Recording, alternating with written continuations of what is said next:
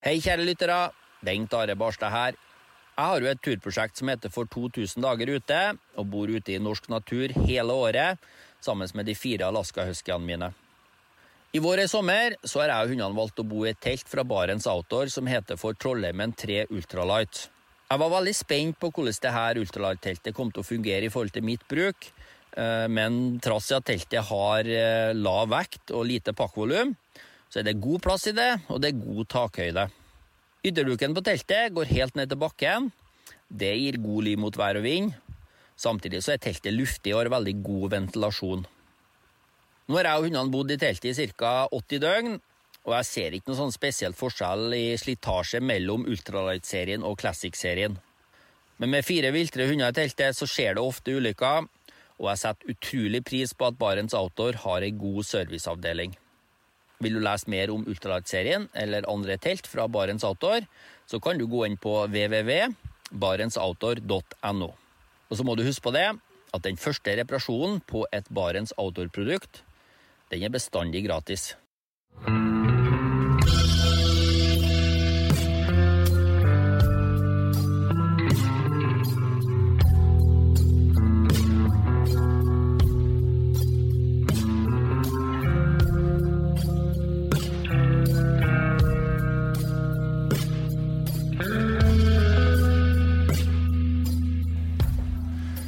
Hei og velkommen til podkasten Uteliv.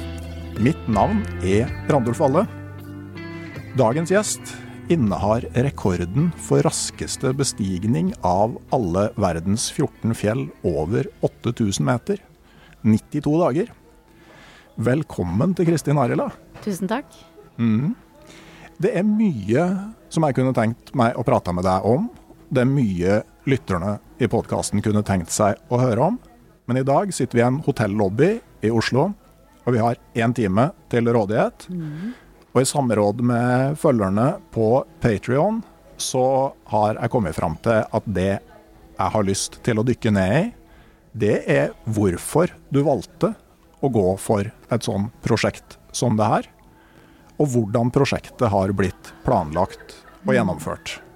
Ja, jeg har lurt på det sjøl også. Ja. Men som vanlig så begynner jeg med å spørre har du hatt en fin tur eller naturopplevelse nå i det aller siste? Uh, ja, i hvert fall en naturopplevelse. på løpetur sammen med Jens og hundene her på uh, lørdag. Og det var et forferdelig dårlig vær. Det var skikkelig drittvær. Men det var faktisk ganske deilig også å komme seg ut, selv om det så helt forferdelig ut når vi satt inne. Det er fascinerende å høre at du også kan eh, tenke sånn som alle oss andre, da, og innse Ja. akkurat det samme som de fleste andre, at det er bedre når man kommer ut. Ikke sant? Og vet du hva, jeg er helt normal. Jeg har altså verdens største dørstokkmil for å komme meg ut eh, og trene. Så, eh, så på sånne ting så er jeg helt, helt som alle andre. Og ja, sliter med å liksom få motivasjon til å komme ut og, gjøre den her vanlige treninga og det. Så å se på været og bare å herregud, skal jeg bli inne og spise kanelboller istedenfor. Så um, ja, så er det helt vanlig. Ja. Det er digg å være inne og spise kanelboller òg, men en, enda bedre etter tur. Ikke sant? Det er det. Og man må bare huske på det når man syns det er litt tungt å komme seg ut i det dårlige høstværet. Ja. Men jeg, jeg tenker, hvis man ser på merittlista di, så er det jo ganske tydelig at noe skjer i livet ditt mellom 2015 og 2021. Den fasen her innledes med en tur på Kilimanjaro. Så fortsetter den med en del fjell fra drøyt 4000 til drøyt 7000 meter. Og avsluttes med en bestigning av Everest kombinert med kvinnelig verdensrekord for traversen over til Lhotse. Altså fra en 8000 meter til en annen. Kan du si litt om den prosessen her? Ja, altså jeg var veldig glad i å være på tur og trene og ute i naturen eh, hele veien. Og så fikk jeg på en måte litt smakebit på det når vi var på Kilimanjaro i 2015. Jeg sleit eh, veldig på den turen, spesielt siste dagen opp til toppen. Både med at jeg mista synet og ble veldig stiv i nakken og fikk veldig vondt i hodet og spydde ganske mange ganger opp. Men kom opp og ned, og i perioden i forkant av den turen så hadde jeg trent veldig mye på, på vanlige fjellturer i, eh, rundt Tromsø. Og eh, liksom syntes det ga mersmak, og jeg likte liksom um, den ekspedisjonslivet og, og, liksom det her med å gå ute på tur. Og jeg var jo vant til trening, men det her er liksom mer tur enn trening. Og da var det så ja, fint å være på tur, og ble veldig, veldig glad i det. Og etter det så ble det mer og mer fjellturer, da. Mm. Men jeg ser jo, altså allerede i 2019 så har du en tur til Nepal. Dalwagiri 7.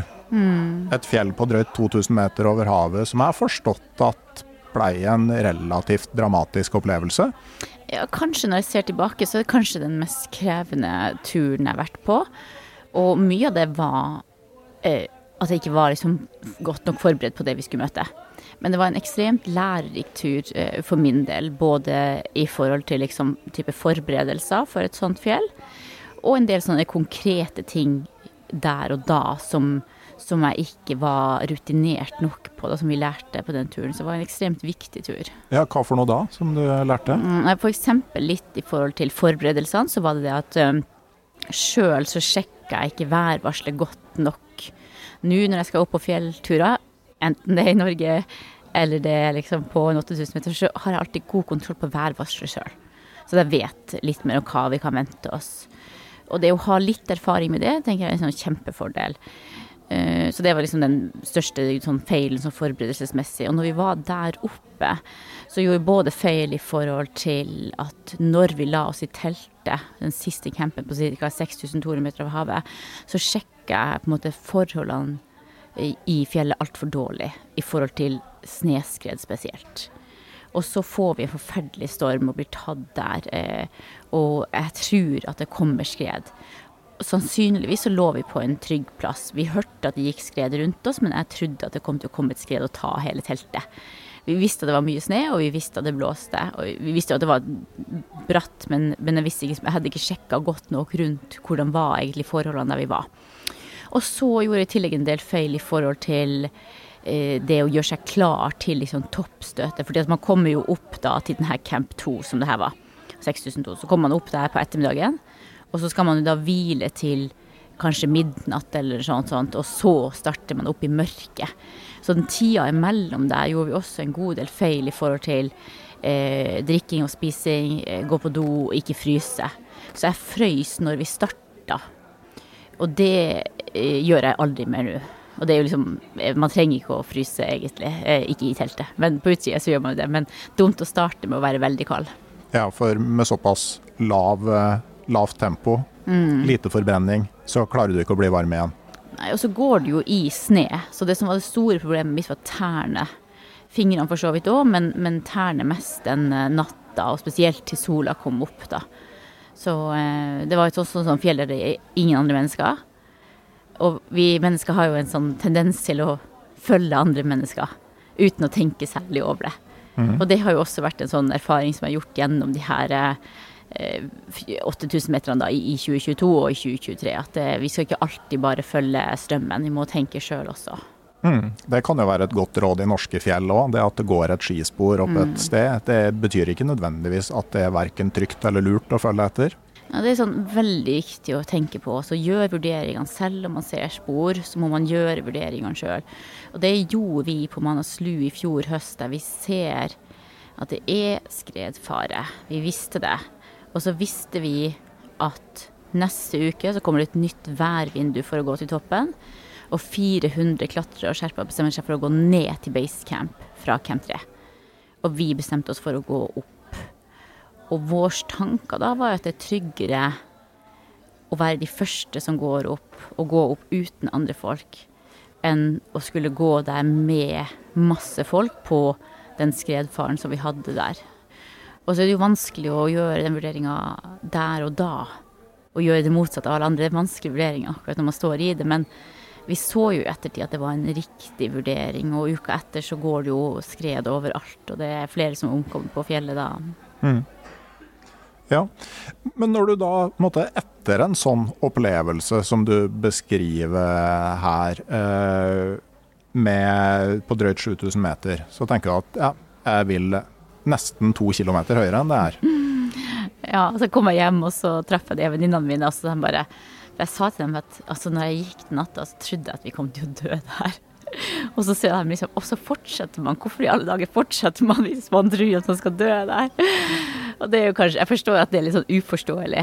Um, um, så jeg, jeg, skjønner det at det ikke er helt, helt normalt. Men ja, Hva er det som trekk? Hva var det som gjorde at det her ville ha mer av? Og ville, jeg vil ikke bare ha det samme en gang til, jeg vil liksom steppe opp mm. et hakk eller to.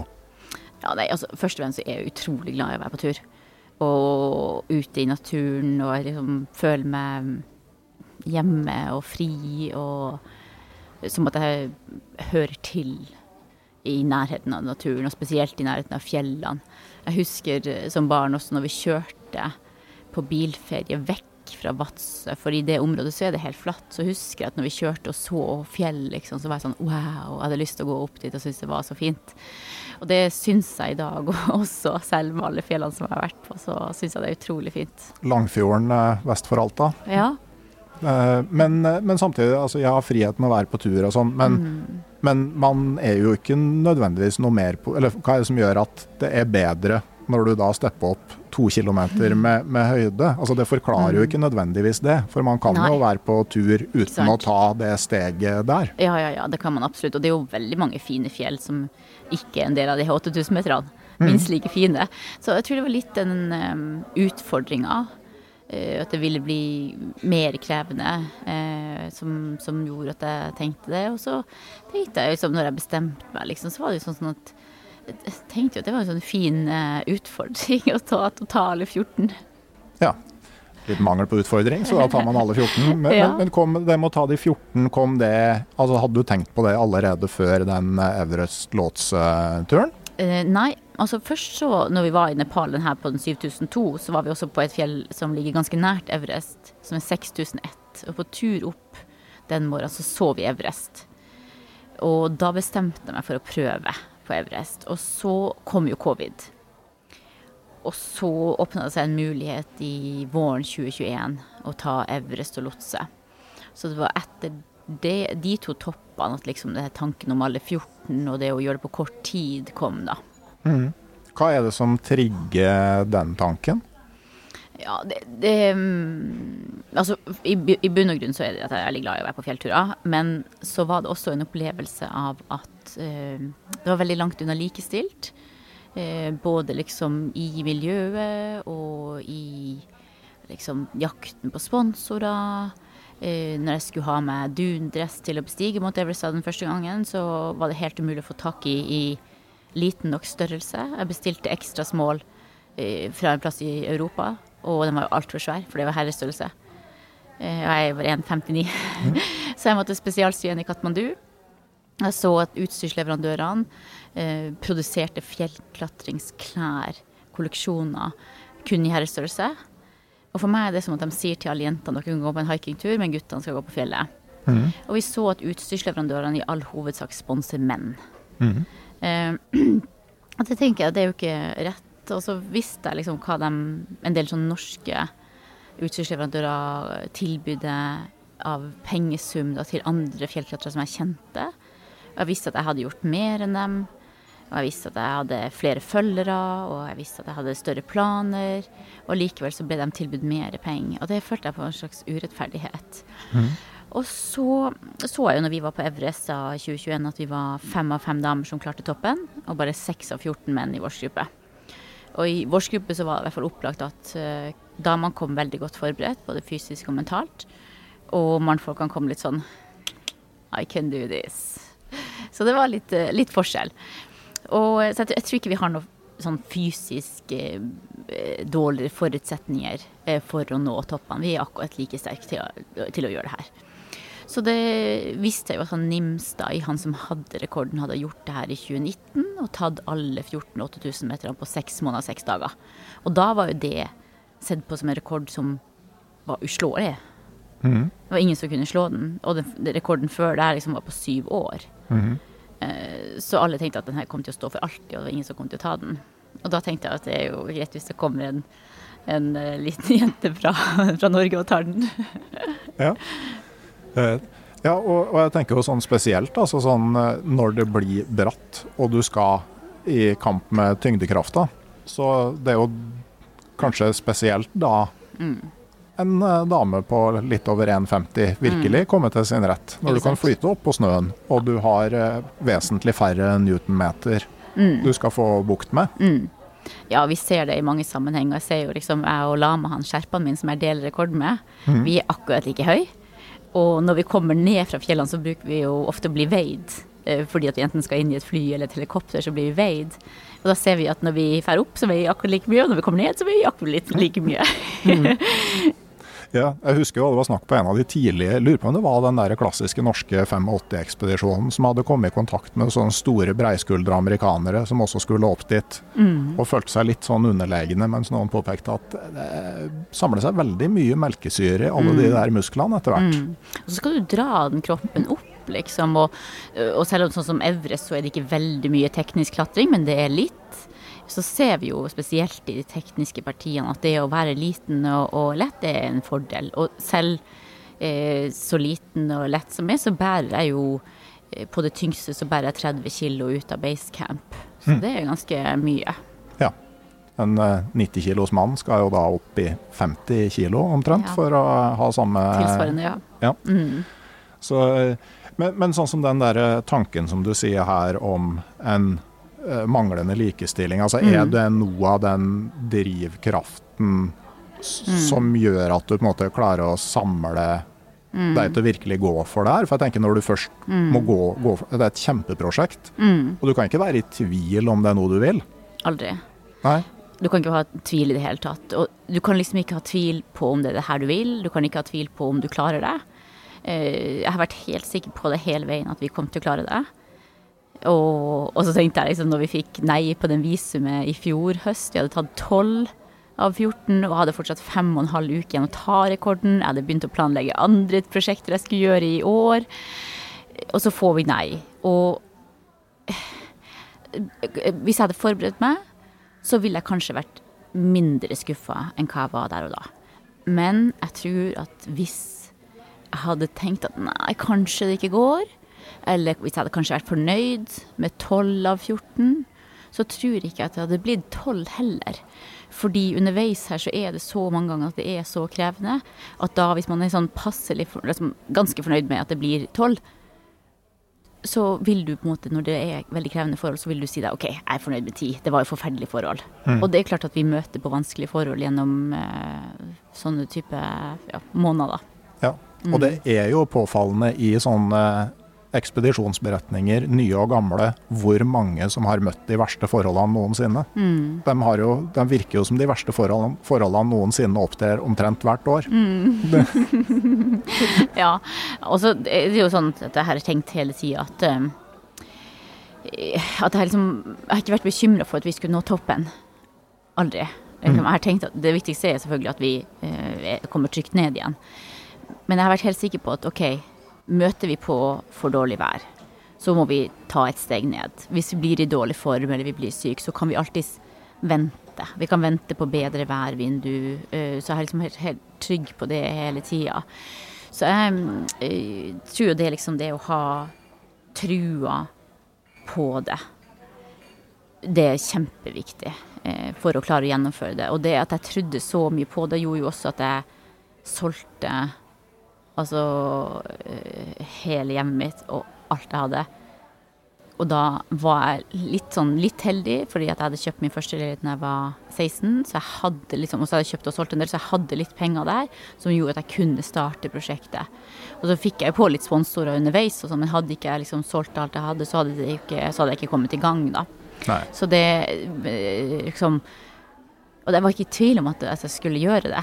Eh, så, det, så jeg tror det er liksom at du har trua, virke, altså ordentlig trua inni deg på at det her klarer du. Ja.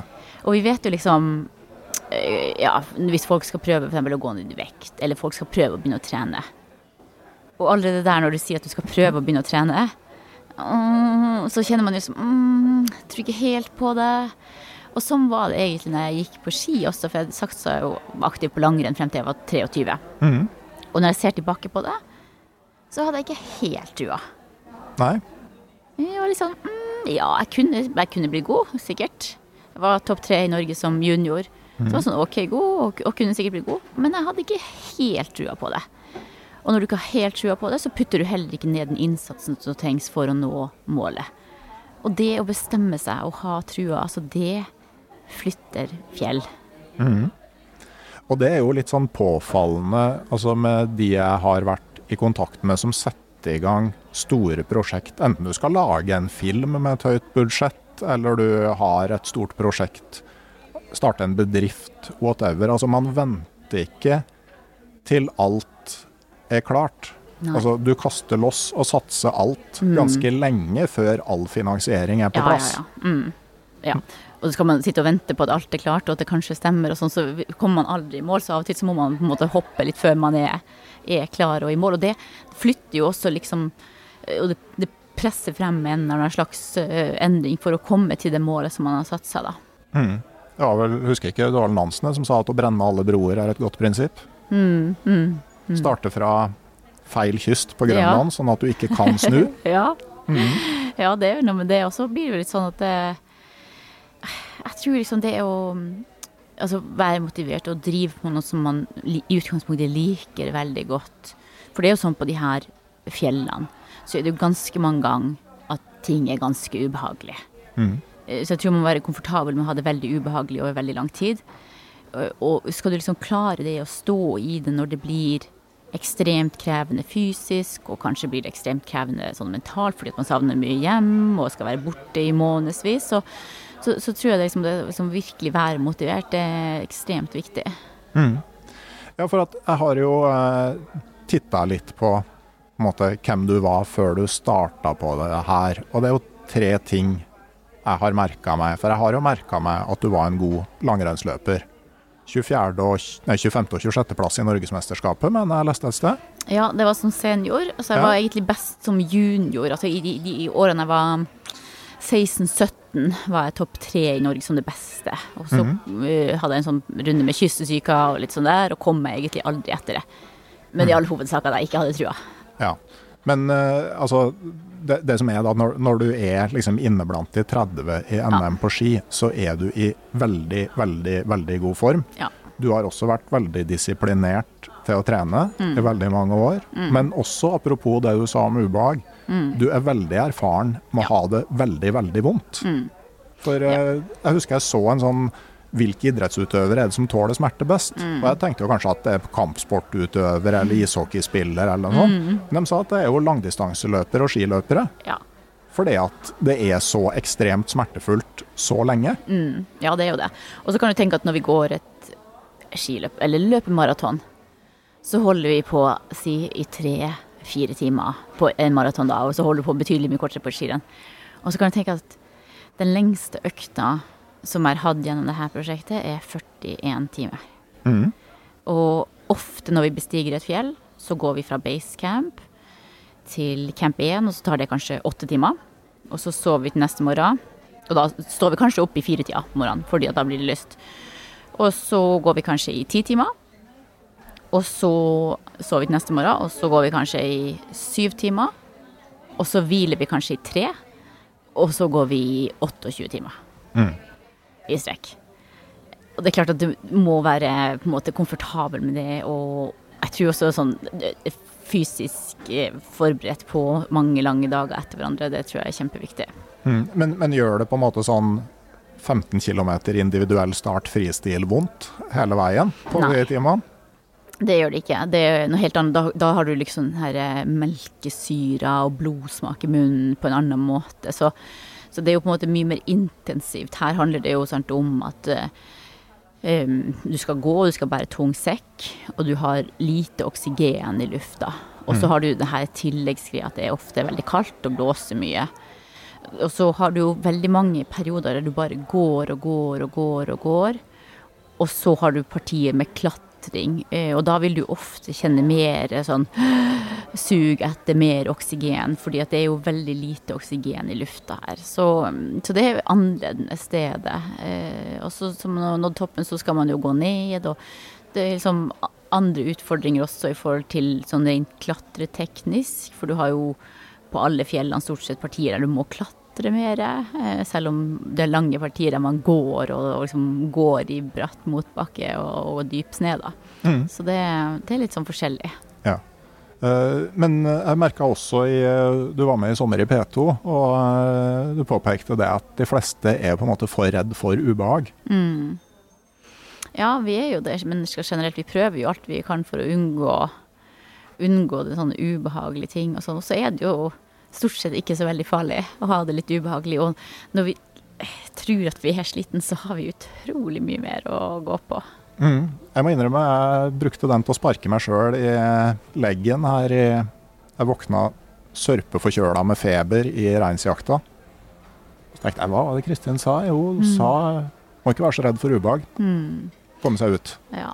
Det er bare ubehagelig. Mm, ja, og det er ikke så farlig. Og vi lever i en sånn utrolig behagelig verden sant, der vi har liksom tilgang på alt, og vi har mer enn nok mat. og sant, vi har mm, eh, Stort sett alle har varme hus og en seng å sove i og en varm dusj og sånn. Og så når vi er her, da, eh, sånn som f.eks. i sommer, så har vi fire uker og fire fjell uten en eneste dusj. Mhm. Eh, samme klærne, og ikke tid til en sånn teltdusj engang. Normalt når vi er i basecamp, så har vi sånn telt rundt oss, og så en bøtte med varmt vann, så vi i kan vaske oss liksom ordentlig med det, da. Men her går vi fire uker uten en eneste dusj, og bare våtserviett. Og etter hvert så blir man faktisk ganske fornøyd med det også. Mm.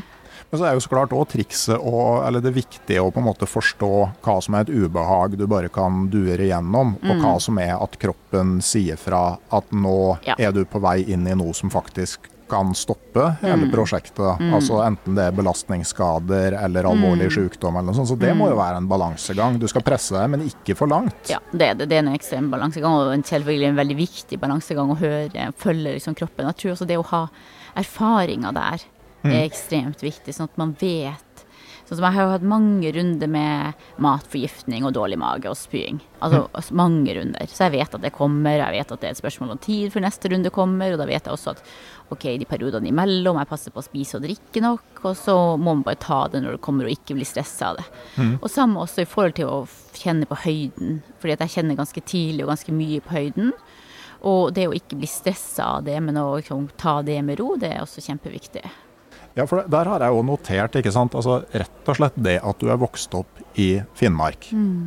I Vestre Jakobselv, Ja, ja. Nydelig lita bygd. Mm. Eh, og når man vokser opp i Finnmark, så blir man jo for det første vant til vær. Ja. Og så tenker jeg for det andre, så blir du vant til at været og naturen av og til sier stopp. Mm. At nå kommer du ingen plass. Mm. Nå må du bare vente til det roer seg. Ja. Og det tror jeg også er ganske viktig Mm. når du skal opp på 8000-meterne. At du ikke Mm. blir stressa av at alt ikke går etter dine planer. Ja, ja, ja. Så det er klart vi har en plan liksom, om at vi skal nå toppen da og da, og sånn og sånn. Og så vet vi at til det så må vi være fleksible, for vi må følge liksom både vår egen form, men også fjellet og været og forholdene i fjellet, altså hvor viktig det er å følge, følge det. Og jeg tror det er en fordel å være vant til mye vær og vind, og der andre kanskje blir stressa av, av det. At ikke man er så stressa av at det er mye vind eller mye snø eller ja.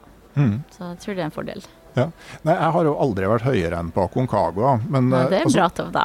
Ja, altså, det, var, det, det var liksom artig å kjenne på, men poenget mitt var Mm. altså, det vi registrerte der, veldig mange av dem som da ikke kom opp, Mm. det var jo rett og slett på en måte ren sånn utålmodighet. Mm. Orka ikke å vente lenger. Hver Mm. gang du takler en høyde, så flytter du med en gang opp på en ny, sånn at du, Mm. du går og er dårlig konstant, Mm. i stedet for å være litt grann Mm. roligere. Ta det litt saktere. Mm. Og ikke ta toppstøtet akkurat den dagen det er dårlig vær, men heller bare ven, vente litt.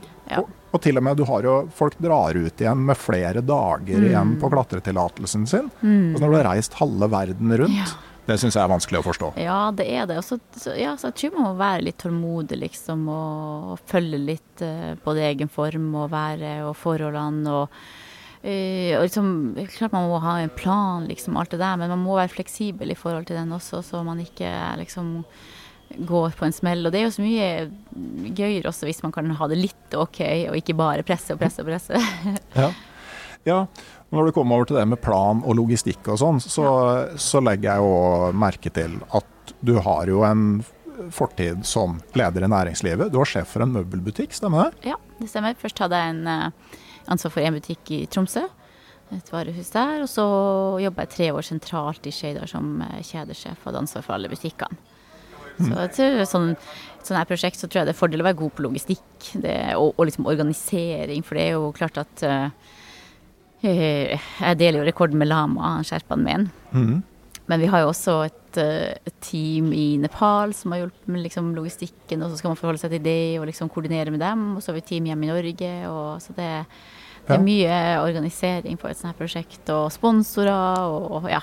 Ja, og kanskje ikke så skremmende å forholde seg til et budsjett som er mye større enn din privatøkonomi heller, da, når, når, man har vært vant til det? Ja, nei, jeg tror det er fordel det. Å være, mm. være, vant til litt sånne ting. Det kan jo virke skremmende man har brukt så mye penger på, på de fjellene.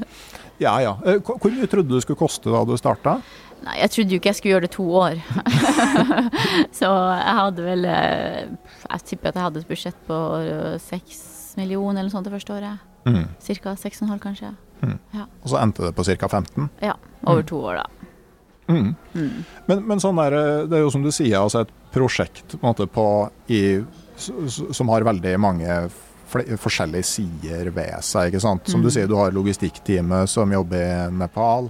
Uh, og du har liksom uh, personalhåndtering, du mm. har PR, du har økonomi. Ja, ja. Du skal sikkert levere noe regnskap og uh, sånn. Altså, når du satte deg ned med det her, altså sånn Var det tidlig at du fant ut altså, hva må jeg gjøre sjøl, og mm. hva kan andre gjøre?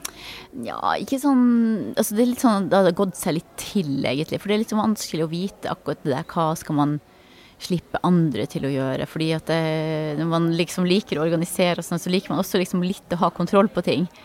Men så har jeg jo visst hele veien at det her kan ikke jeg gjøre alene. Jeg må ha, ha hjelp. Så det, liksom det å sette sammen og finne et team som fungerer sammen og fungerer liksom på de tingene de skal, er kjempeutfordrende. Men eh, det har funka veldig bra. Mm. Men eh, det med sponsorjakt, altså eh, hva var liksom sånn strategien din der? For at jeg ser for meg, det er jo slett ikke alle bedrifter et sånt prosjekt passer for. Nei. På en måte Alle som kommuniserer trygghet og sikkerhet og kontroll, mm. tenker jeg. Dem, mm. Altså Et flyselskap ville ikke tørre å sponse noe sånt.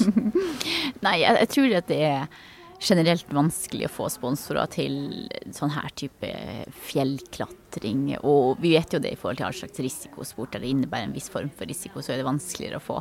Så, så visste det. Og så er jo ikke sånn Norge har jo ikke vært sånn, selv om vi har vært store liksom, populære ekspedisjoner i historien, så har vi ikke vært så, så tydelige liksom, på liksom, de, sto, de, høye fjellene, da. Mm. Så um, ja, så jeg tror at det var sånn generelt vanskelig, eh, spesielt i et norsk marked, å be, gå ut og be om penger til det her. Det, det tror jeg. Mm, ja, så den store altså klokkesponsoren din er jo mm. utenlandsk. Ja. Mm. Og så er jo ikke det på en måte Det er jo mange av også de store altså polare mm. eventyrerne mm. som har vært i utlandet og henta midlene sine, helt tilbake fra Amundsen og Nansen. Mm, ja da, og det, det, er jo på en måte et, et, større internasjonalt marked der. Og det ser vi jo litt i forhold til både eh, følgerne mine, hvor de er hen, og vi ser det også i forhold til pressedekninga, som er minst like stor, eh, eller større utenlandsk hvis man ser alle landene, da. Mm. Men sånn som jeg lander på flyplassen i, i, Katmandu, så er det litt uh, flere journalister som møter opp enn når jeg lander på flyplassen i Norge. Behagelig? ja da, det er det. Og, og norsk presse er jo stort sett, stort sett veldig grei og sånn, og så er det litt annet i, i utenlandsk presse. Ja. jeg tenkte jeg skulle ikke snakke noe mye om Jens, men hvis du hadde gått noen år tilbake, at du skulle bli nødt til å gå ut med at du hadde fått ny kjæreste fordi at Reuters har ferska deg på gata i Katmandu. Hva hadde du sett på som sannsynligheten for det? Nei, da hadde jeg nok bare flirt. Det, det, tror jeg ikke hadde vært så sannsynlig. Jeg så, jeg tenkte ikke, jeg tenkte ikke tanken før det plutselig ble et issue, liksom, der vi sto og bare ops, der var det bildet ute. ja, livet er en underlig ting. Ja. Mm. Men uh, men fins det på en måte noe sånn regelverk for et sånt prosjekt som det her? Kan man liksom slå på et sted og så bare mm. hva, hva, er regelen for det her? Hvor starter man fra? Hva har man lov til, hva har man ikke lov til? Mm. Ja, det er jo sånn Guinness, World Guinness Record som, som på en måte har satt noen regler som vi forholder oss til. Og det som gjelder akkurat sånn her type rekordforsøk, så er det fra basecamp til toppen og ned av egne, egen maskin. da. Mm. Så hvordan man kommer seg inn til basecamp, det er jo da enten med helikopter eller til beins. Eh, og noen av de basecampene ligger jo tett mellom, så det er naturlig å gå. For eksempel eh, Broadpeak Broad Peak og Kåto er bare en time mellom. Eh, noen deler basecamp, sånn som på Evres og Lotse, så det er litt sånn forskjellig. Men eh, man må gå fra basecamp opp til toppen og ned for egen maskin. Det er liksom det viktigste regelverket. Og så tenker jeg at altså, i sånne her type rekordgreier så er det utrolig viktig med sånn transparent åpenhet, og være liksom tydelig på hva er det man gjør, og hva slags rekord er det man eh, prøver å ta, og at man er åpen i forhold til sånn GPS-tracking, som vi Ja. altså har delt hele veien, så folk kan kunne følge oss fra basecamp til camp 1 og til camp 2 og til camp 3 og sånn. Og så selvfølgelig film og bilder er også viktig å kunne dokumentere at man har vært der man har vært. og Ja, for historien er ganske stappfull av kontroverser rundt om folk faktisk har gjort det de har sagt de har gjort, og vært der de sa de skulle være. Ja da, det har det jo. Han Nimstad som hadde rekorden fra 2019 på seks måneder og seks dager, han mista den jo. Fordi at de ikke var på rett topp på Daulagiri. Og så var de på den fortoppen på Manaslu. Ja. Og fortoppen på Manaslu har vært i alle år akseptert som toppen. Og så har man da dokumentert nå at den toppen som ligger 25 meter lenger bak på fjellkjeden, som er bitte litt høyere, er den reelle toppen. Uh, så den, den uh, Altså, det var derfor det var 400 mann på Manaslu, ikke sant? Ja. For at folk skulle tilbake og gå 25 meter lengre. Ja. Og så, sånn som den toppen er nå, så er det jo umulig å være mer enn én person på akkurat toppen. Liksom. Da er det én og én av gangen. Så det er klart at der eh, vil man ikke ha altfor mye folk. Så, men eh, ja, jeg tenker det er sånn utrolig viktig med en slags åpenhet og dele GPS-trackene løpende, og at man kan følge med på det. Og vi har hatt også episoder der folk har eh, vært ute og tatt sånne speed eh, ascent, liksom at det har gått basecamp til toppen i ett push, og så ned på raskest mulig tid. Og så viser det seg etter at nei, de har jo ikke eh, gjort det, da. Og det er jo sånn veldig dumt å, å gjøre det. Og det er sånn Jeg tenker at la folk klatre den veien de vil. Altså hvis folk vil bruke T-skjerper, eller hvis folk vil bruke masse oksygen eller ikke bruke oksygen, eller vil gå på ferdigfiksa tau eller ikke ferdigfiksa tau, så la folk klatre på den måten de vil, så lenge man er åpen og ærlig om hvordan man gjør det. Så tenker jeg at det er greit. Ja. ja, altså det å eh, ikke prøve å kamuflere hva man gjør, må jo være mm. absolutt uh, første bud. Eh, men også med, med kommunikasjon, da. Altså Jeg tenker både sånn praktisk og strategisk. For én ting er jo altså hvordan får man informasjon ut, og men hvordan og Altså hvis du gjør noe feil eller sier noe feil, så kan du jo skaffe deg ekstremt mye arbeid i ettertid. Ja, det kan det. Så det er jo liksom, spesielt når vi er oppe og er så mye uten dekning, og så det å ha et bra team hjemme i Norge som også snakker bra sammen med det teamet som vi har i Nepal, sånn at det ikke blir noe miskommunikasjon eller informasjon på veien der, er jo kjempeviktig.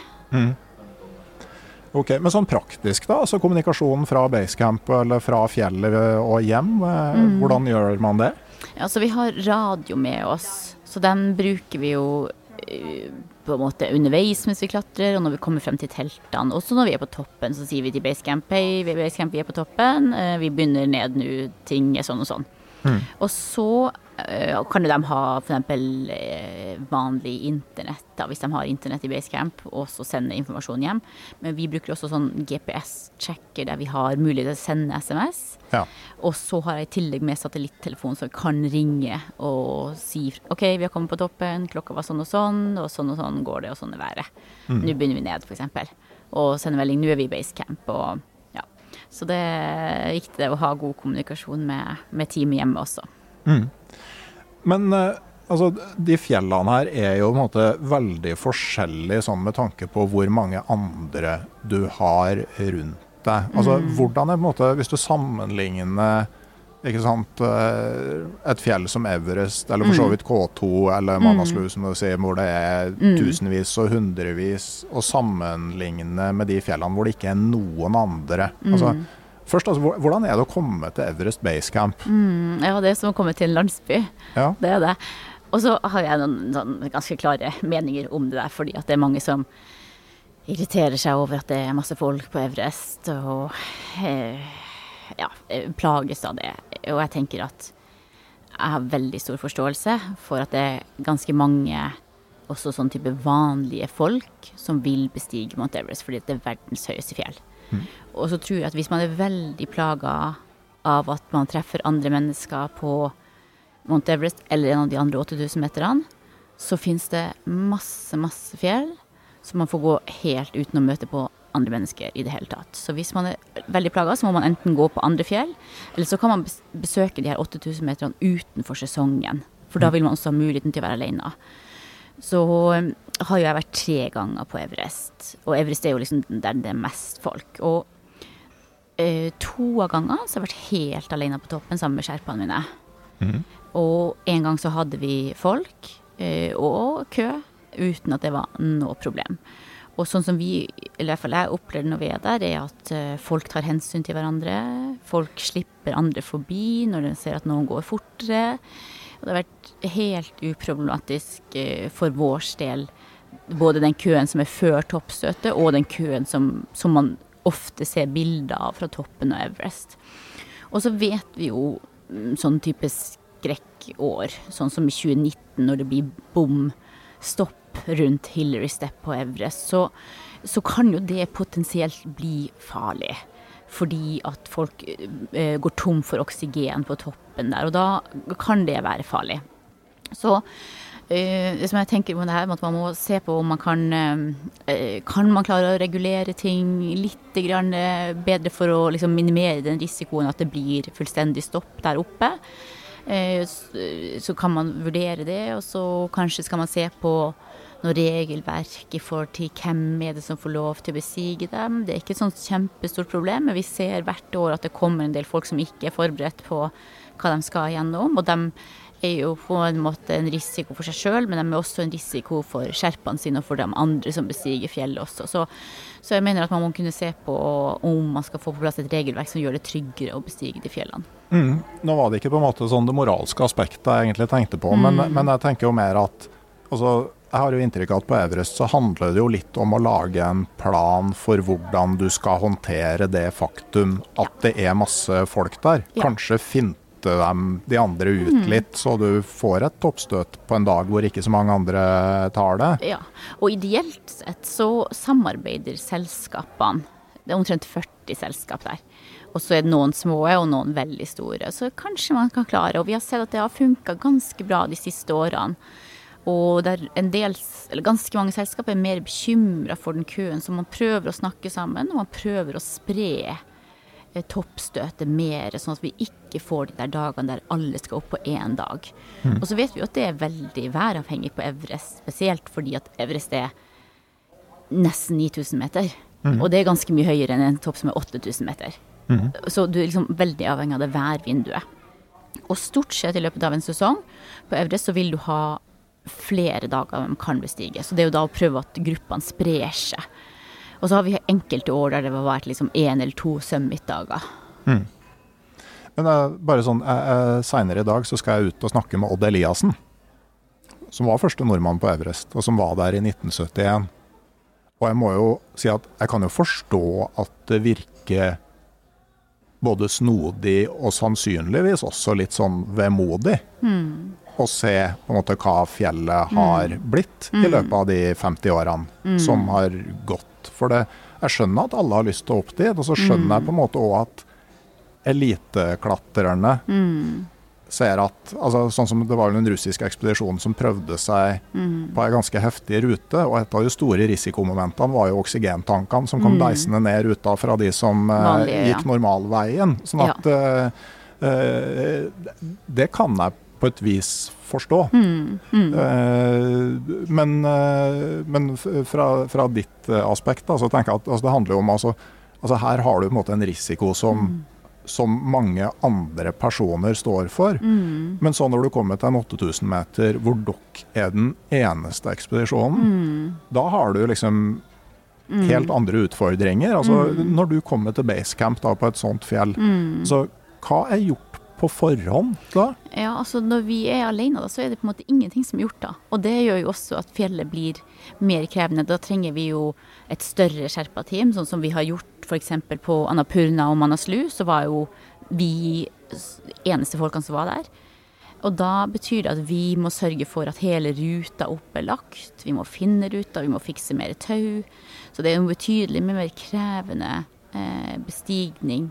Eh, og når man er alene der, så er det jo også sånn at hvis noe skjer, så har man færre folk som kan hjelpe hvis det skjer noe. Mm. Så, um, ja, så det, liksom, det har sine fordeler og sine, sine ulemper med å være lite folk og være mye folk og sånn.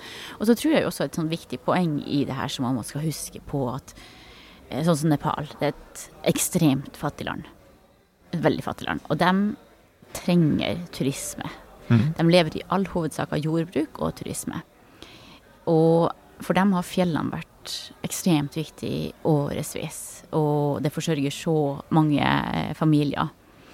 Så jeg tror ikke man bare skal tenke liksom at eh, stakkars Nepal, for her kommer vestlige klatrere og skal bestige fjellene liksom, og tar fjellene deres og forsøpler og sånn der. Jeg tror så lenge fjellene er der, så kommer folk til å bestige dem. Så jeg tror at vi må finne både tryggere måter å gjøre det på, sånn at vi kan gjøre det tryggere både for klatrerne og dem som jobber på fjellet. Men også prøve å finne mer eh, bærekraftige måter å bestige fjellene på i fremtida. Mm. Så eh, ja, så jeg tror, det, jeg tror vi kommer til å fortsette, men jeg tror vi skal gjøre det på en annen måte i fremtida. Mm. Men så når du sammen med teamet ditt, da, så vi går opp på det med risikovurdering, for det er jo ikke farefritt. der. Mm, mm, Eh, så tenker jeg at eh, dere er jo altså er flinke folk du er sammen med, som kjenner fjell og har vært mye på fjell. mm. Samtidig så er du oppdragsgiveren deres, og den som tar, drar eh, visakortet til slutt. Og det gjør jo at man er Altså, det er ikke et helt sånn jevnbyrdig forhold. Og så er det Hvordan håndterer du det? Ja, og så er jo jeg dame oppi Ja. det her, som også er en faktor. Og så er jeg ekspedisjonsleder også. Og så er det jo sånn at eh, jeg har også faktisk mer erfaring enn mange av de sherpaene som er med. Jeg har flere 8000 meter enn enn dem. Og mange av dem er kanskje i starten av 20-årene, altså en god del år yngre enn meg. Så det er mange ting som spiller inn her. Men det som jeg har vært veldig opptatt av hele veien, er at når vi skal bestige fjellene, så skal vi være enige om den. Hvis det er en sånn, skal vi ta en avgjørelse på skal vi gå videre eller ikke, så tvinger ikke jeg gjennom eh, at vi skal gå opp. Så vi har eh, diskusjoner og prater om videre plan. Og vi har hatt episoder der vi har vært eh, diskutert ok, skal vi gjøre sånn eller skal vi gjøre sånn. Ikke at vi har vært uenige, men vi har gjort eh, diskusjoner i lag og blitt enige om å vente. Eller å gå ned et hakk fordi vi venter på bedre vær eller bedre forhold. Så det har skjedd, og jeg har vært hele tida sånn at jeg har ikke lyst, eller har, kommer ikke til å tvinge gjennom eh, noe toppstøt eller noe videre klatring oppover hvis ikke resten av teamet vil det. Men, men det at du har da på en måte reelt sett så mange enkeltekspedisjoner i veldig kjapp rekkefølge. Jeg har lest om mange som påpeker det der at både utover i en lang ekspedisjon, og når du ikke på en måte rekker å nullstille deg i sivilisasjonen etterpå, så er det nesten ufravikelig sånn at risikotoleransen din sakte, men sikkert kryper oppover. Har du merka noe sånn du, eller er det noe du har vært bevisst på å unngå, eller? Ja, nei, jeg tror jeg har vært veldig bevisst på å unngå det. Og så tror jeg også at øh, At det har jo på en måte vært viktigere og viktigere at det har gått bra med oss, alle sammen i teamet. Altså, det har vært, det hadde vært helt krise hvis det hadde skjedd liksom Og jo lenger ut vi har kommet, jo mer liksom, har jeg tenkt liksom Oi, det kan i hvert fall ikke skje noe nå. Liksom, vi har kommet så langt, og vi har liksom alle øynes retta på oss, og mange tenker å, det å gjøre det på kort tid øker risikoen. Eh, det å bestige fjellene så fort øker risikoen. Så mange tenker det i den banen. Mens eh, vi har egentlig tenkt ganske motsatt, fordi ja, det har jo egentlig jeg Ja. Du, ja. du, du slipper å akklimatisere så mange ganger, og du får kortere tid på fjellet og kortere tid i de eksponerte områdene. Og det er et så utrolig viktig poeng å huske på i det her, fordi at jo raskere du er, og jo mindre tid du er der oppe, jo, jo mindre tid er du i risikofylte områder. Så det, det har vi også visst hele tida, at det er en fordel å være raske. Mm. Eh, og slippe å bruke lang tid på å bestige et fjell. Så, eh, og så klart at vi har jo vært i, i, fysisk form til å gjøre det, og det er jo klart at det er ikke for alle. Men mm, jeg har ikke hatt noen sånne mentale utfordringer underveis i forhold til liksom å motivere meg. Og det tror jeg jo også henger litt sammen med at eh, prosjektet har liksom ikke bare vært for meg. Lama har jo vært med hele veien. Jeg har jo hatt noen sånne her eh, Våkna på morgenen og vært skikkelig sliten eller har vært dårlig i magen. Og bare tenkt at å herregud, skal vi bare ligge i, i, i soveposen og vente et halvt døgn på å bli bedre? Og så har de vært sånn Didi, Didi, come on, we need to move, we need to climb. Og da er jeg jo sånn, da kan jeg jo ikke si nei, da må jeg jo i hvert fall liksom bare være skjerpa og være til stede. Og, og, liksom, jeg tror det har vært en sånn utrolig fin dynamikk og samarbeid mellom oss for å gjøre det her, eh, og det å være trygge. Og det som jeg også har sett gjennom alle de her årene på ekspedisjonen, er at det er ikke alle som har like stor tiltro til sånn type verktøy som en GPS der vi opplever eh, at noen tenker at ok, det er den retninga, og så sier GPS-en den andre veien. Men så er man ikke vant til å bruke sånn type verktøy som GPS. Så har det vært motsatt med Lama. Han har blitt veldig interessert i å lære hvordan bruker man en GPS. Fordi vi har jo vært på noen bestigende der vi har besteget i mørket, og det har vært dårlig vær, og vi har vært først. Mm. Vi må finne veien. Og hvis han da ikke hadde liksom vært villig til å lære seg den teknologien om å bruke GPS-en, så hadde vi jo ikke kommet opp. Nei. Eller da hadde vi ikke kommet trygt opp og ned. Mm. Så jeg tror også det har vært eh, veldig, veldig viktig. Eh, hvor gode er kartene der, forresten? Ja, altså Vi bruker veldig sjelden kart. Jeg, jeg, jeg, sånn, jeg syns det er litt gøy med kart. Altså, jeg har jo sånn type Jeg har jo kart liksom over hvert fjell, det har jeg. Men mm. vi bruker dem jo ikke. Men vi bruker en sånn GPS, en sånn Garmin GPS. Så der har jeg både en sånn app som man laster ned og følger, mm. og der har jo jeg også alle trackingene fra i fjor. Ja, ja, nettopp som er en fordel. Men vi vet jo at forholdene endrer seg såpass mye at man kan ikke bare følge den. Man må også følge fjellet og se på hvordan været og forholdene er for å, for å finne veien og for å være trygge, liksom. Så, så, men jeg tror det er liksom, man må være liksom fleksibel og være litt sånn dynamisk på de der tingene. Og, og selvfølgelig det at, at, Lama har vært så øh, liksom hørt på meg, har vært så samarbeidsvillig i forhold til sånne type ting, har vært veldig viktig. Jeg har veldig respekt for den, eh, det at du tok med han ja. At dere har vært sammen hele veien. Altså, det har jo gjort at uh, prosjektet har liksom betydd mye mer. Mm. For min del også. Og litt av greia for det er jo at for det første så er det mye gøyere å dele en rekord. Og jeg syns at det å klatre er et teamarbeid. Det er jo så Når klatrer man alene? Det er jo et samarbeid, og det er et team som skal få det til. Og man har en klatrepartner. Så det å dele det er jo mye gøyere. Og så er det mye tryggere. Mm. Og så vet jeg at det betyr masse for Lama og hans karriere og videre liv. Og så vet jeg at det betyr masse for selskapet, og ikke minst for hele Sherpa-kulturen og alle sherpaer. Fordi at de får være en del av en sånn type rekord. Og vi har jo sett liksom i historien at det ikke har vært vanlig, men jeg syns at de fortjener det. Også fordi alle de her som bestiger fjellene uten Sherpa, de kommer jo ofte til fjellene, og så har sherpaene gått i forkant og fiksa tau. De kommer til basecamp som er satt opp av sherpaene. Så de gjør en så utrolig viktig jobb for alle mm. som bestiger de her 8000 meterne. Ja. Med mindre man er Reinhold Messner og klatrer opp helt alene midt i monsunperioden. Ja, men jeg tror også at de, de brukte bærere inn. Ja da, sjølsagt.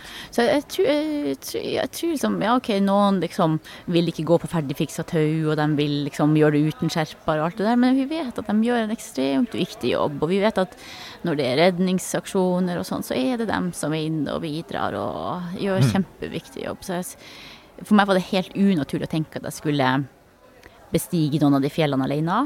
Eh, det, det har jeg ikke lyst til. Jeg vet at det øker risikoen veldig å gå uten oksygen og gå uten skjerpa. Det, det gjør det betydelig mye farligere. Mm. Jeg tenker jo, Så vidt jeg har fått med meg, så har du jo hatt med både det norske og det samiske flagget på toppene. Og det har jo på en måte slått meg at ikke sant, du har en samisk identitet, men når du mm. drar til Nepal, så trer du på en måte inn i en veldig sånn der eh, hvit europeer-tradisjon som mm. blir på en måte en litt sånn speilvending? Er det noe du har reflektert over? Er det kanskje derifra det med å ta med lama Ja, Altså mm. altså jeg tror at vi eh, eh, som er samiske og sherpaen har en del likheter, faktisk. Og vi vet jo også når vi ser liksom på Nå har Jens vært i Mongolia, så vi kjenner jo liksom samene litt derfra, da. Eh, og jeg tror at hvis vi går langt tilbake i tid, så har nok eh, den samiske befolkninga på en måte splitta seg i to, og en del har gått til, til sørsida av Himalaya, og andre har gått på nordsida, og så etter hvert da også trukket nordover hit hvor, eh, hvor vi er. Og vi kan se det veldig tydelig når vi ser på bilder av sherpaer og bilder tilbake på liksom, eh, samer for noen år siden, så, så ser man utrolig sånne likhetstrekk. Og det eh, tror jeg også gjorde at det funka veldig bra med meg og Lama. For når jeg traff ham for første gang, så snakka ikke han et ord engelsk. Eh, altså virkelig ingenting. Eh, og jeg snakka ikke nepalsk. Men vi forsto hverandre liksom utmerket fra dag én. Og etter hvert um, forsto han mer og mer engelsk, og jeg forsto i prinsippet nesten alt som de sherpaene snakka om. Selv om jeg ikke kunne liksom prate, så forsto jeg alt som det var prat om. Og vi fikk nok på en måte en sånn type et eget språk bare oss eh, to imellom, da. Høres veldig fint ut. Hvordan er det når man er ferdig med et sånt prosjekt? Det har jo måtte fylt livet ditt helt og fullt. Ja, for det er jo sånn, sånn det her er jo ikke som at man trener til en maraton, og så trener man, og så gjør man andre ting i livet. Her er jo liksom, eh, liksom Det er 100% av livet hele tida, dag og natt og i ja, årevis. Så, så det er klart at det er mm, utrolig deilig å liksom komme hjem og ha klart det, og vi har liksom ingen skader og ulykker i vårt team, og det har jo vært veldig viktig. Eh, selvfølgelig rekorden viktig, eh, spesielt i forhold til prosjektet, at det skal bli mer likestilt, og at vi skal jobbe med, med de tingene. Men eh, nei, veldig, veldig deilig å være ferdig, selv om det har vært ekstremt eh, hektisk siden jeg kom hjem. Ja. Eh, så er det jo ikke sånn alltid at hele veien er heiagjeng. Og jeg tenker sånn, dem som har hatt innvendinger, så går det jo kanskje på det med en voldsom ressursbruk, og på eh, klatrestil. Eh, hva tenker du f.eks. rundt det første? Altså, du, jeg så du kommenterte det sjøl, at eh, CO2-avtrykket ditt har vært litt over gjennomsnittet. Ja, jeg tenker at, at vi må finne bedre veier å gjøre det på i fremtida, uten tvil. Det må vi. Og så inntil vi kommer dit, så må vi leve og, og være i livet. Og så kan vi gjøre ting på veien selv om vi har et, eh, et fotavtrykk. Og så tror jeg jo også i denne diskusjonen så har det vært utrolig mye feil informasjon ut. Og så vet vi jo også at det har vært en del som har bevisst gått ut med feil informasjon om hvordan vi har gjort det her. Eksempel så har det jo virka som at vi har flydd helikopter til basecamp, og innimellom så har det faktisk virka som at jeg har flydd helikopter til toppen og ned. Og hvis jeg ikke har gjort det, så har i hvert fall de her ti skjerpene som hadde med meg, båret meg opp. Og sånn har det jo altså Folk har jo virkelig gått ut og sagt det, og det er jo klart at det er utrolig eh, frustrerende når vi vet at ikke det har vært sant. Og sånn som vi har gjort det, så har vi, vi har flydd helikopter til basecamp. Men vi har også ganske mange fjell der vi har gått inn til fjellet, og vi har gått ut. Veldig mange som har gjort det. Og så har vi besteget fjell med ferdig fiksa tau. Altså noen andre har gått foran oss og gjort det. Og så har vi også vært en del av et fiksingteam, jeg og Lama, sammen med andre team. Og så har vi også vært ansvarlig for å fikse tauet, vårt lille team. Og så har vi også gått uten ferdig fiksa tau. Altså bare med sånn main rope, altså tau imellom oss. Og sånn alpine style, som de kaller det. Ja. Og jeg bryr meg jo veldig lite om det. Altså Så lenge man er åpen og ærlig om hva man gjør, så er det greit. Men eh, Og så har vi besteget med oksygen. Mm. Men så har vi også besteget uten oksygen. Mm. Vi har gjort alle typer klatrestiler og alle typer måter, så det er klart frustrerende når folk eh, i hvert fall i hvert fall når folk bevisst går inn for å fortelle løgner om hvordan vi har gjort det, når vi har vært helt åpne og ærlige om det hele veien, hvordan vi har gjort det. Og på åtte av de her 14 fjellene så har vi vært først på toppen i år. Og på de aller fleste av de 14 så har jeg personlig betalt for én sherpa, og det er lama. Og så har vi noen topper når vi har vært alene som team, der vi har måttet f.eks. ha fem sherpa totalt. Og så har vi jo hatt en kameramann med, og så har han hatt én sherpa. Og så har vi av og til alliert oss med andre klatrere og deres ene sherpa, sånn at vi f.eks. har vært et team på tre klatrere og tre sherpaer, én til én. Mm. Så det har jo vært veldig ofte bare meg og Lama, Mm. som et lite team. Og det betyr jo også at vi må bære mer. Og det betyr også at vi ikke kan ta med oss tre flasker oksygen hver. Så de aller fleste fjellene så har vi brukt én flaske. Mm. Og starta på en plass mellom 7000 og 7005. Så eh, jeg tror det er bare ja, mye feil informasjon. Jeg tenker at eh, en del må man regne med fordi at eh, man tar plass og tar rekorder og de tingene. Men så klart altså når folk bevisst lyger, så syns ikke jeg det er greit. Nei.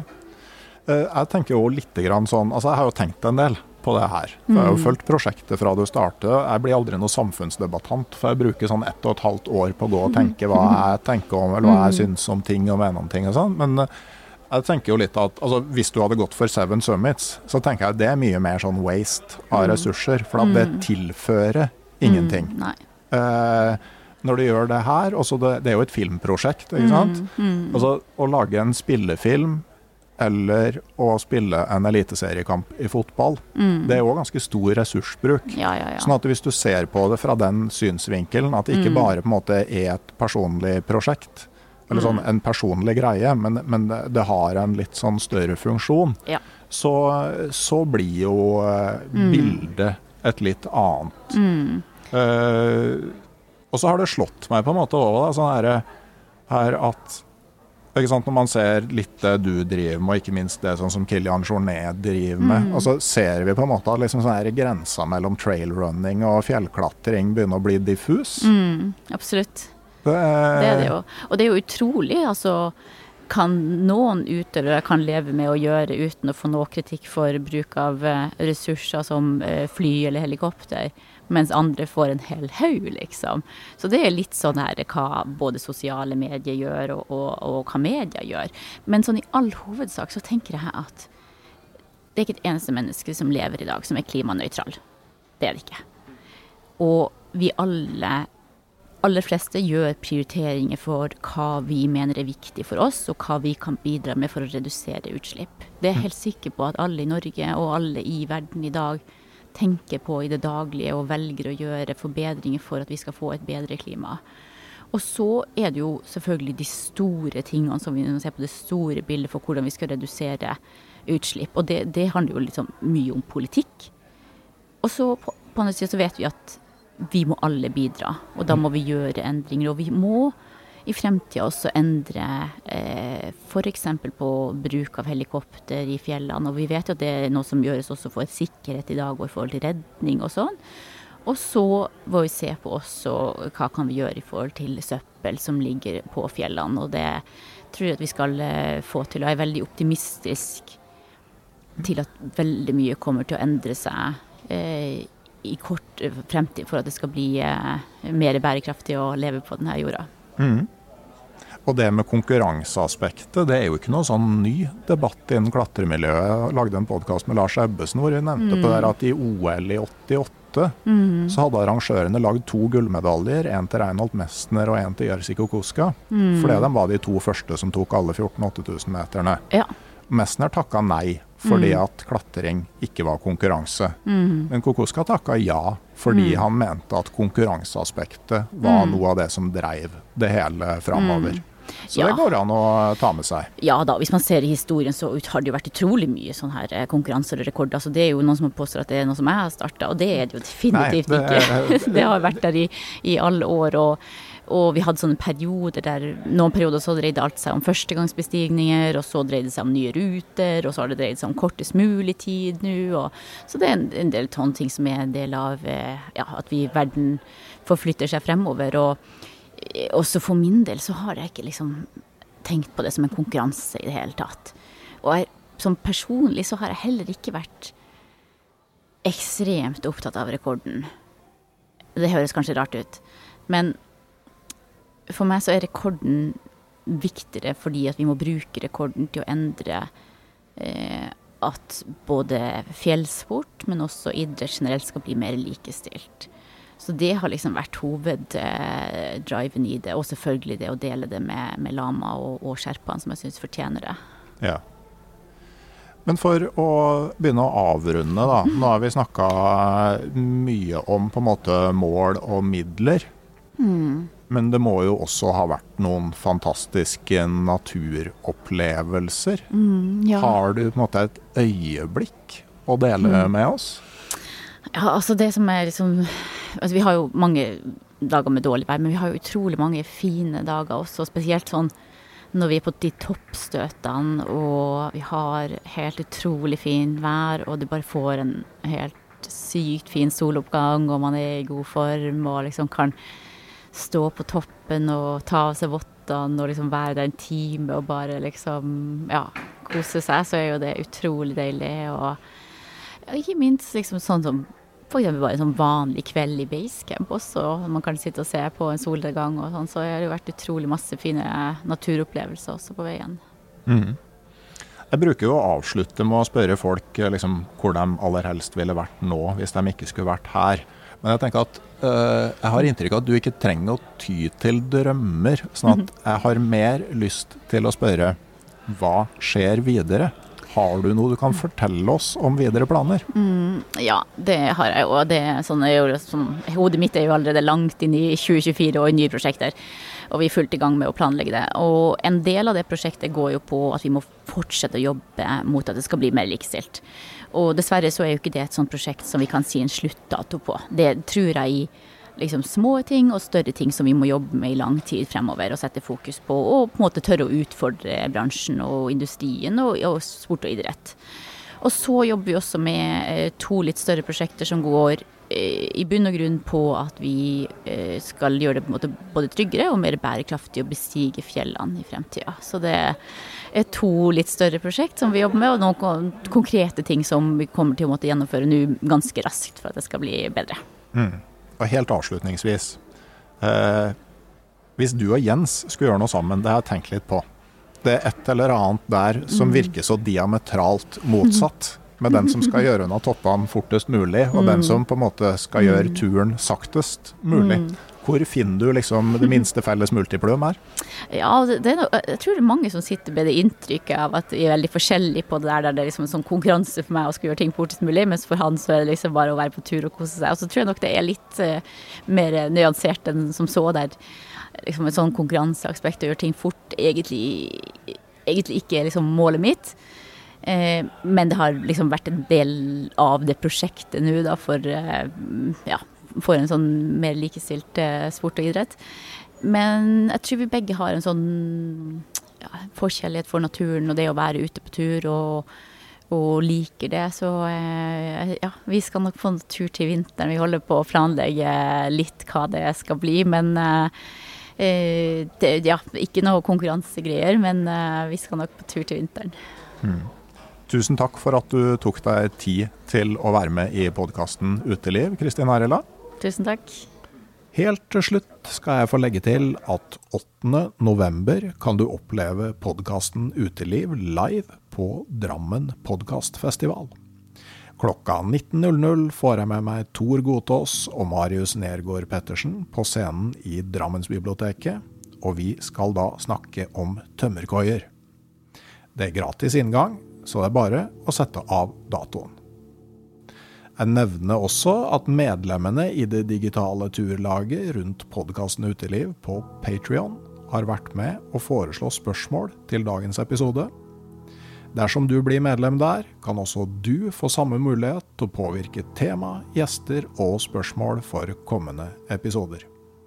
Du får samtidig tilgang til både eksklusive ekstraepisoder og mer innhold på nett. Følg link i bio, eller gå inn på patrion.com og søk opp podkasten Uteliv for å bli med. Til slutt takker jeg også min kommersielle samarbeidspartner Barents Outdoor AS. Om ei uke så er det klart for en ny episode av podkasten Uteliv, og inntil da så sier jeg rett og slett ha det bra.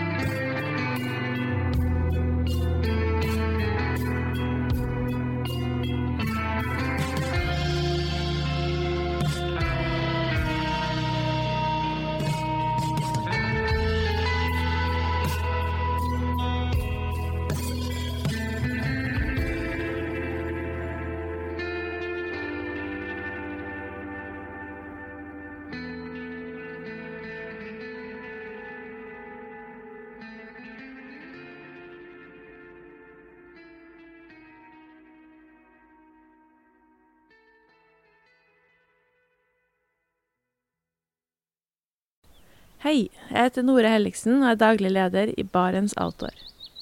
Det beste vi kan gjøre for planeten, er å redusere forbruket vårt og få mer ut av det utstyret vi allerede har. Men vi vet av erfaring at bruken av telt kan endre seg over tid. Det teltet du kjøpte for to år siden, passer kanskje ikke det behovet du har i dag. Derfor har vi i Barents etablert en egen panteordning der vi tar imot brukte telt av god kvalitet i innbytte når du kjøper et nytt av oss. Prosessen er enkel. På barentsoutdoor.no gir du oss informasjon om teltet du vil bytte inn. Basert på det får du et tilbud fra oss som gir deg rabatt på ditt neste Barents-produkt. Mer info og betingelser finner du på barentsoutdoor.no.